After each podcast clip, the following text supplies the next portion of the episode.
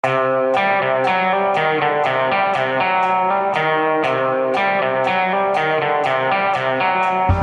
er krise mellom EU og Polen.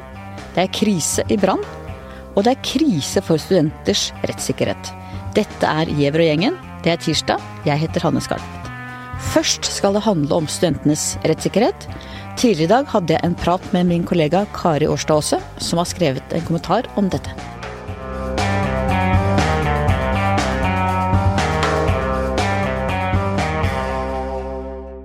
Ja, her sitter jeg sammen med Kari Årstad Aase, min kollega gjennom Ja, du har vært i VG enda lenger enn meg, faktisk. Og nå jobber du på ungdomsavdelinga Z. Det syns jeg er veldig gøy. Og i dag, eller en kommentar som kommer i morgen, så tar du ungdommen og studenten i forsvar. Fortell. Det gjør jeg. Eh, det har jo vært fremme at eh, det er veldig mange studenter som er tatt i fusk, både i år og i fjor. Ganske dramatisk økning? En voldsom økning. Det er eh, flere hundre eh, saker i eh, år, hittil i år. Og i 2019 var det bare 85. Um, og da er jo spørsmålet om årsaken er studentene som har fått veldig dårlig moral, eller om det er noe galt med systemet. Og ditt svar er jo da at det ikke er noe gærent med studentene? Det er helt riktig. Jeg tror, eller bare for å ha sagt det, jeg tror jo helt sikkert at noen studenter jukser, sånn som det er ellers i samfunnet, at det alltid er noen som jukser. Men at de ikke er flere enn før.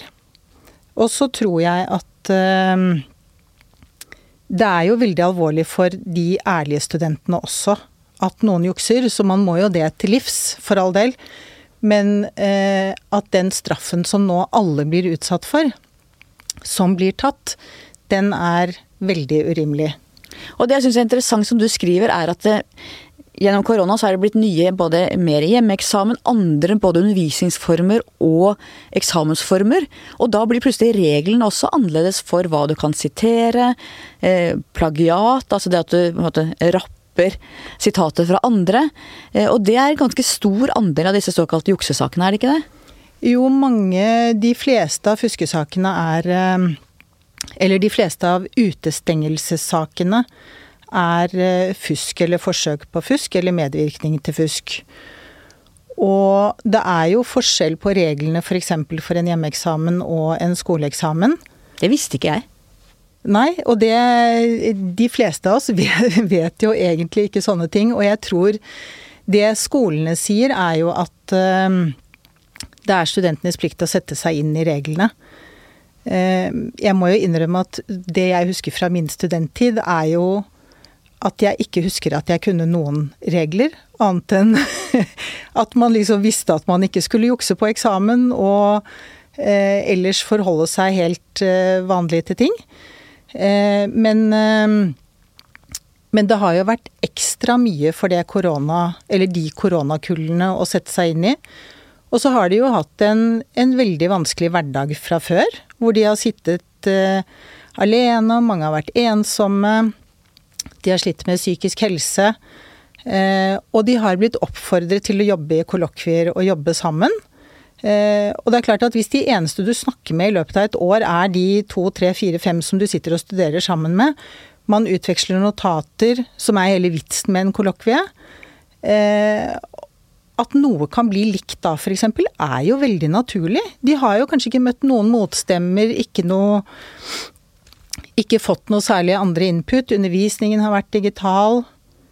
Eh, så jeg syns at de eh, Jeg syns at man skal ta de som jukser, og det kan godt hende det er riktig å eh, på en eller annen måte sanksjonere de som har gjort feil i forhold til regelverket.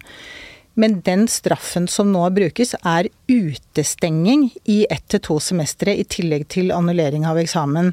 Og det syns jeg er helt ekstremt drøyt. Og hvor kjapt får de resultatet, eller hvor kjapt får de den straffen? Hvis det nå viser at de er uskyldige, så er det ingen skade skjedd da, eller? Ja, altså for eh, De praktiseres litt ulikt på de forskjellige skolene, men men på mange skoler så starter straffen fra det øyeblikket den er gitt av skolens klagenemnd, altså den lokale. Og så kan de klage det inn for felles klagenemnd. eller ta det videre til retten, som noen har gjort. Eh, og da tar det jo mye lengre tid. Og da trer straffen i kraft veldig ofte fra det øyeblikket skolen har sagt at du blir utestengt. Så du risikerer å miste egentlig virkeligheten et studieår, Ja. også dersom det viser seg at du blir frikjent? Ja. Hva slags rettssikkerhet er dette, Kari? Det er ikke rettssikkerhet i det hele tatt. Og jeg, jeg lurer jo veldig på om, om eh, politikerne på Stortinget visste hva de gjorde. Ja, For det kom til en ny lov, ikke sant? I 2014 så skjerpet de reglene. Um, blant annet så åpnet de da for at, de, at man kan eh, la, eh, la straffen tre i kraft før eh, klagen er behandlet. Eh, og i et ungt menneskes liv så er jo dette Det er jo veldig, veldig spesielt. Og jeg vil jo si Jeg tenkte jo liksom sånn hvis jeg Jeg har definitivt gjort feil gjennom mine 30 år som journalist. Og hvis, hvis sjefen min da hadde sagt at det var dumt, Kari, nå har du gjort en feil, da ses vi om et år. Håper du klarer deg bra uten lønn og alle kollegene dine og alt. Så får du se om du kommer tilbake. Det går jo ikke an. Nei, det går ikke an. Du er ganske opprørt, du. Jeg er veldig opprørt. Ja, Det syns jeg er litt deilig. Det skal vi være av og til. Og så syns jeg det er en sårbar gruppe. Særlig nå. Særlig nå. Men også ellers så er jo en student For det første så er man jo ung. Og eh, det var veldig mye jeg ikke skjønte da jeg var ung. eh, og så er det jo at de Man er jo student bare en kort periode i livet, og da brenner man veldig for det. Men med en gang du er ferdig, så er det på en måte ingen som har studentinteresser som kampsak. Da er du ferdig. Heldigvis ferdig med de lærerne du ikke likte, og reglene du ikke likte, og alt. Da er det liksom Endelig begynner det andre livet. Og så bryr man seg ikke lenger. Så de er nok også en lett gruppe å kjøre over, tror jeg. Jeg er jo gammel studentpolitiker, hvor vår kampsak på 80-tallet var INTB. Inntektsavhengig nedsettelse av terminbeløp. Kan du tenke deg å ha en sånn kampsak?! og vi jobba veldig hardt for det, og vi fikk til noen småting rundt det. Men det er klart, jeg har ikke jobba så mye med INTB årene etterpå. Nei. Det var liksom i studentårene, og så var vi ferdig. Ikke sant? Og så er det jo også for studentorganisasjonene sikkert vanskelig å Som sagt så er det jo selvfølgelig noen som jukser. Og det er jo Det er jo vanskelig å støtte en gruppe som sådan som er tatt i fusk. For hvordan skal de vite hvem som eh, ikke skjønte hva de gjorde, og hvem som faktisk eh, gjorde det? Sånn at det er jo en det er jo en vanskelig kampsak, også for studentene. Men da brøyter du vei veldig nå, Kari. Jeg håper mange leser kommentaren din i morgen. Det Tusen takk for at du kom. Takk.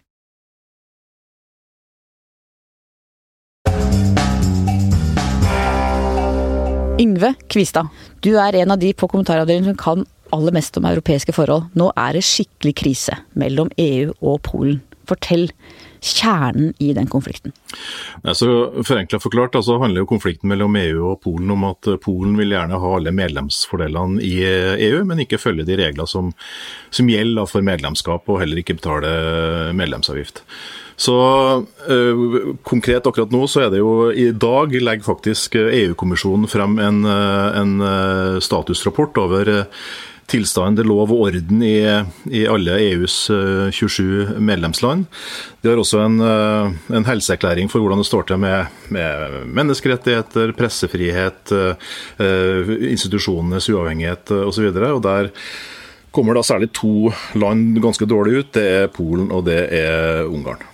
Det er utrolig trist Inge, hvilken vei det har gått med begge disse landene. Hvilke håp vi hadde på begynnelsen av 2000-tallet, hvor de meldte seg inn i EU etter mange år bak jernteppet. Eh, Det var demokrati, det var framgang, og nå har de gått i helt stikk motsatt retning. Ja, og det, så, øh, det her avsnittet kunne vi jo gjerne kalt det, det polske paradoks eller den polske øh, tragedie, men det skulle jo egentlig ha hett det polske under eller den polske suksesshistorie. Altså Polen er jo i utgangspunktet EUs utstillingsvindu. Fra de kom med i EU i 2004 jeg hadde en folkeavstemning året før hvor nesten 8 av innbyggerne sa eh, ja til å være med. Så har jo EU vært med å transformere det gamle kommunistlandet til en blomstrende økonomi, et liberalt, eh, eh, demokrati, og så har det altså skjedd ting på veien. Og det som er så holdt på å si fortærende her, da, det er jo at hvis man går ut på gata og spør den jevne polakk om uh, hva man syns om EU, så sier jo ni av ti at de ønsker å være med i EU. Det er jo, det er jo et av de landene som har aller høyeste EU-lojalitet i hele unionen. Eh, så, så, så, eh, folket mener jo noe helt annet enn den demoniseringa av EU som eh, den nasjonalkonservative regjeringa nå driver på med. da. Men, men, de har, valgt, men de har jo valgt denne regjeringa, da, Yngve. De har jo valgt, ja. hvis de er ni av ti som er for EU, og så velger en regjering som er så bakstreversk. Det er jo noe veldig underlig med det. Det er noe veldig underlig med det. Og, og, men samtidig så har det også en viss forklaring. for at Da Lov- og ordenpartiet, Lov- og rettferdighetspartiet, da kom til makta i 2015, eh, var det vel, eh, så var jo det en reaksjon på hva eh, denne borgerplattformen til den liberale forgjengeren, altså Donald Tusk, ikke har fått med. Altså Han, han øh, gjorde jo veldig mye for skal man si, den urbane øh, middelklassen, men fikk ikke fart i økonomien på, på landsbygda. Sånn at når det Lov- og rettferdighetspartiet kom til makta, så var det nærmest et valgskred ifra, ifra bygda, altså fra folk som har blitt oversett. Nå skal ikke jeg påberope meg, jeg har reist veldig mye på den polske landsbygda, men, men det, det, sies jo det at for veldig mange der så er vilkårene der omtrent like dårlige i dag som de var under, eh, under kommunisttida. Eh, eh, og da kan man si at det hadde en slags hva skal jeg si, Da hadde alle det like, like ille, da. Men nå er det veldig, veldig, stor forskjell mellom fattig og rik også på, på landsbygda. En, det er en klassisk, en oppskrift, det er en klassisk oppskrift på, på at populistene og høyrepopulistene vinner fram. Da. Det har vi sett i mange land.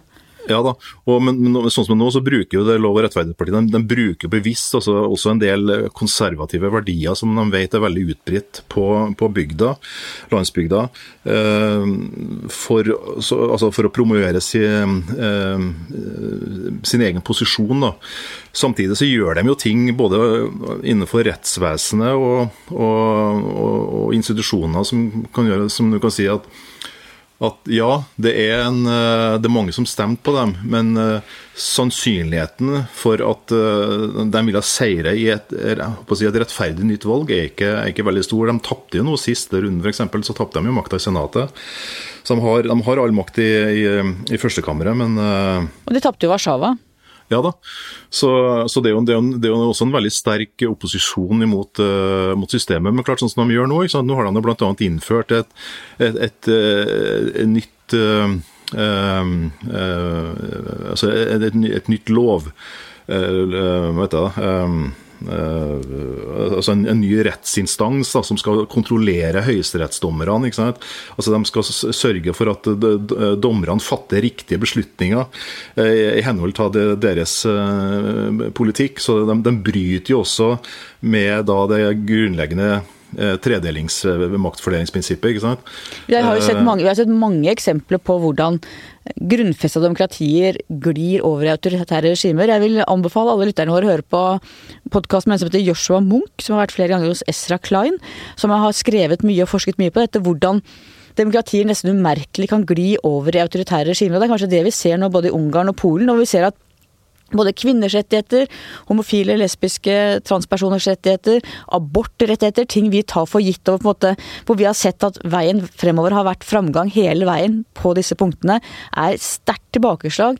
Særlig da i Polen og Ungarn. Det er rett og slett deprimerende, altså. Hva tenker du, Leif? Der så vi det jo satt litt eh, på spissen nå i fotball-EM, som nettopp er uh, unnagjort. Altså da Ungarn skulle møte Tyskland og all, all, all denne striden rundt bruk av regnbuefarger om hvorvidt du skulle få, du skulle få opplyse et, eh, et stadion. og alt altså rundt dette ble jo en, sånn, en litt sånn, sånn pekepinn altså på hvor forskjellige retninger da et par av landene i EU går sammen, altså, sammenholdt med holdninger som, som, råder ellers. Og det blir jo på et punkt altså, selvfølgelig et problem altså, for unionen, når du har altså, medlemsland som utvikler seg altså, i en retning som altså, går så langt altså, vekk fra grunnleggende demokratiske prinsipper. Man samlet Europa, og så ser vi at det er i ferd med å splittes igjen. Hvordan tror du dette går til slutt? Vil Polen enten Det er ikke noe utkastingsklausul i eh, EU-retten, men tror du Polen og EU etter hvert på et eller annet vis vil skille lag, eller? Altså de, de, kan jo iverksette en paragraf, eller en artikkel 50 da, og forberede en, en utmelding hvis, hvis det skjærer seg fullstendig her. Ja, at Polen gjør det, eller at EU gjør det? Ja, at, at, EU kan gjøre det. Ja. Men, det er, men, det som er, så veldig rart her, det er jo Altså, Polen har jo alt å tjene på å fortsatt være EU-medlem. Husk at siden de ble medlemmer i, i, i fullverdige medlemmer i 2004, så har de samla sett mottatt altså 30 13, altså 1300 milliarder kroner. Det norske statsbudsjettet er på 14. Altså, de har mottatt like mye penger som det, hele det norske statsbudsjettet helt siden da. Og årlig så mottar de jo rundt 130 milliarder i året i direkte overføring av subsidier fra, fra EU. Altså, de har ikke råd til å gå glipp av dette her. Men ja, og Det rammer jo de fattige på landsbygda mest, ja, ikke sant? Ja da. Og, og, og han, statsminister Morawiecki han har jo sagt det flere ganger understreka nå at han ikke ønsker å melde eh, Polen ut av EU, samtidig som han da har satt i gang en prosess, en juridisk prosess, hvor da eh, Høyesterett nekter å eh, anerkjenne EU-domstolen som en høyere domstol. altså De nekter å underlegge seg EU-lov og EU-domstolen. Eh, aktiv underkjenne lover fra EU-domstolen har innsatt altså dette disiplinærkammeret som skal da eh, rettlede dommerne i Høyesterett, som allerede er blitt dypt politisert. Altså, eh, det er en prosess som vil bli veldig vanskelig å snu hvis at den går videre. Nå har det jo eh, eh altså Den rapporten som fremlegges i dag, er jo er jo eh, drepende for forholdet allerede. Men nå har da Polen fått frist på seg til 3. august. Da. Eller de har gitt seg sjøl en frist til 3. august på å prøve å, å, å lande en, en, eller annen form for Uh, juridisk uh, mellomvei her som gjør at de kan uh, også redde ansikt, for det handler jo veldig mye om det, selvfølgelig. Dette må vi følge med på videre, Yngve. Og nå sport. Leif, det er full krise i Brann. De har sparka treneren sin. Det har vært eh, rop om det lenge, vel, men nå har det skjedd. Og du mener at det er en altfor lettvint løsning?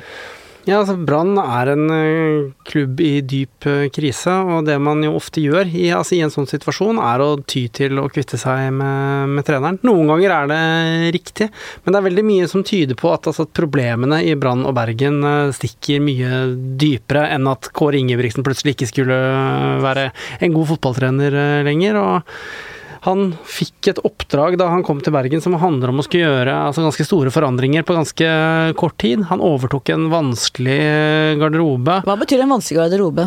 Altså en, en, en i denne sammenheng så betyr det at du har splittelser eh, internt. Du drar ikke nødvendigvis eh, i samme retning. Det kan være snakk om altså, spillertyper, alderssammensetning, altså sånne typer Men var det, ting. Var det sportslige konflikter, eller var det personlige motsetninger, eller var det, hva, hva bunner konflikten i? Det er et sammensatt uh, bilde i Brann. Det er alltid sånn i en fotballgruppe at du har, altså, du har en viss andel som får spille, og en andel som ikke får det. Det vil alltid være grunnleggende konflikter, og nå kom jo han altså til eh, klubben eh, for å skulle rydde opp. Er det benken mot banen, eller? Det kan det, kan det ofte, ofte, være.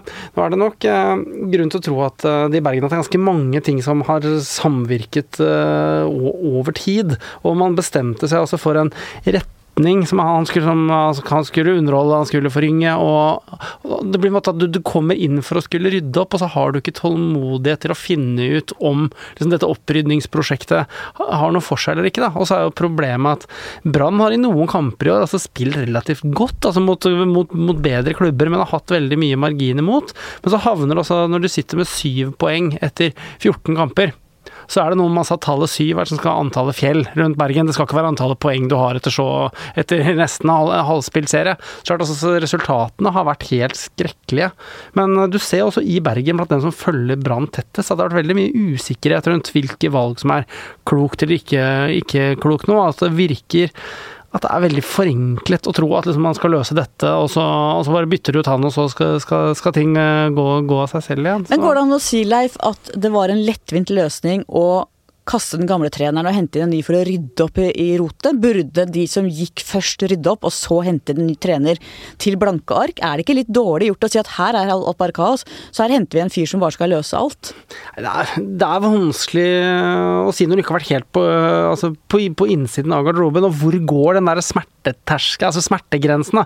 Hvor mye motgang skal du faktisk tåle før det er, altså før det er eh, riktig å, å, ty til en forandring? Og i dette tilfellet, så klart altså rent formelt, så kan altså styret kan veldig enkelt argumentere med at de har sitt på det tørre.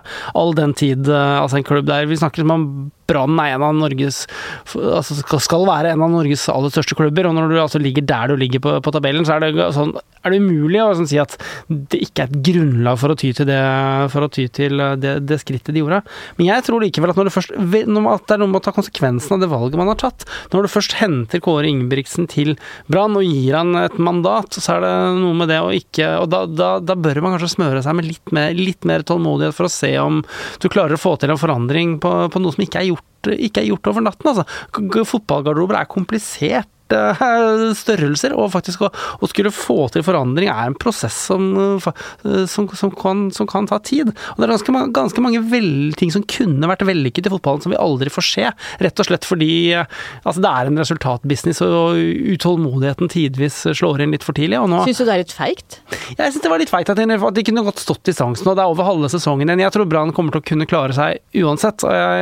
skulle, jeg, altså, skulle gjerne sett at man hadde vært litt modigere og stått i det man, man faktisk har, eh, hadde, hadde, valgt å gjøre. Så fikk man heller, altså, ta, heller, komme til den konsekvensen noe senere, dersom det, ikke, dersom det ikke hadde blitt en forbedring. Og for å si sånn, Brann og Bergen, altså bergensere har jo ikke et helt likegyldig forhold til sin fotballklubb. Jeg vokste opp på Manglerud, vi hadde Manglerud Star den gangen som var store på ishockey, men det var jo ikke sånn at livet mitt gikk i stykker hvis det gikk dårlig med dem. Men du får jo en følelse av at for bergenserne så henger veldig mye av livskvaliteten, i hvert fall om sommeren, sammen med hvordan det går med Brann. Er det riktig? Ja, det er riktig. Altså, det kan nesten ikke overvurderes hvor viktig Brann eh, er, for, eh, er for eh, bergensere. Det er jo litt, litt av sjarmen også. Altså, og det gjør jo også at det er jo, denne klubben er jo alt annet enn lett å lede, og det er vel omtrent like mange eksperter på hvordan Brann bør lede som det finnes bergensere. Så det gjør at altså, den, den, jobben vil være vanskelig uansett hvem som har den. Og Vår sjefredaktør Gahr Steiro er jo fra Bergen. Jeg må si at jeg, jeg går litt forsiktig i dørene hvis Brann har gjort det dårlig. Jeg tør ikke å tulle så mye med det, i hvert fall. Nei, det, det, det er nok sikkert lurt. det er litt sånn no go zone. Ja, det er, det er, altså Bergensere har liksom inntrykk av at de har selvironi opp til et visst punkt, men er klart når det kommer til stykket, så er det faktisk altså, det er blodig alvor hvis det går dårlig med Brann. Ja, da, det er no go. Yngve, du er jo fra Trondheim, det er jo, eller Trøndelag, unnskyld. Det er jo ja. Rosenborg, er det ikke det? Jo, men du vet, jeg har aldri vært en så stor Rosenborg-fan. for Da jeg vokste opp, så var det var, var Steinkjer som var laget. Og Steinkjer og Rosenborg spilte begge i førstedivisjon. Så, egentlig, så, så det, var, mm, det var Rosenborg var på mange måter et, et antilag. Eh, Hvis du måtte velge mellom Rosenborg og Brann nå da, Yngve? Nei, altså nå, da, da må jeg nok eh, Jeg har nok holdt med Rosenborg nå, men jeg, men jeg er helt enig med, med Leif. for at eh, Med skjebnen til mm, Kåre Ingebrigtsen, brutter'n som noen kaller han. fordi at eh, Han fikk også en veldig kjedelig sorti fra Rosenborg, og det var samme greia der. Han, han slapp den veldig tidlig, eller tvang han til å gå veldig tidlig. og På samme måte så burde han ha fått sjansen til å, å, vise litt mer enn han fikk nå også i, i Brann. For det var jo også en det, det kunne jo også vært en bra revansj for han etter å ha fått fyken i Rosenborg. da. Fotballen er nådeløs. Jeg tror vi slutter der. Sier takk til Leif Welhaven her i studio i Akersgata. Eh, Yngve Kvistad i Trøndelag, ikke så langt fra Rosenborg fotballklubb. Kari Årstad Aase. Og vår produsent Christian Konglund. Vi høres i morgen.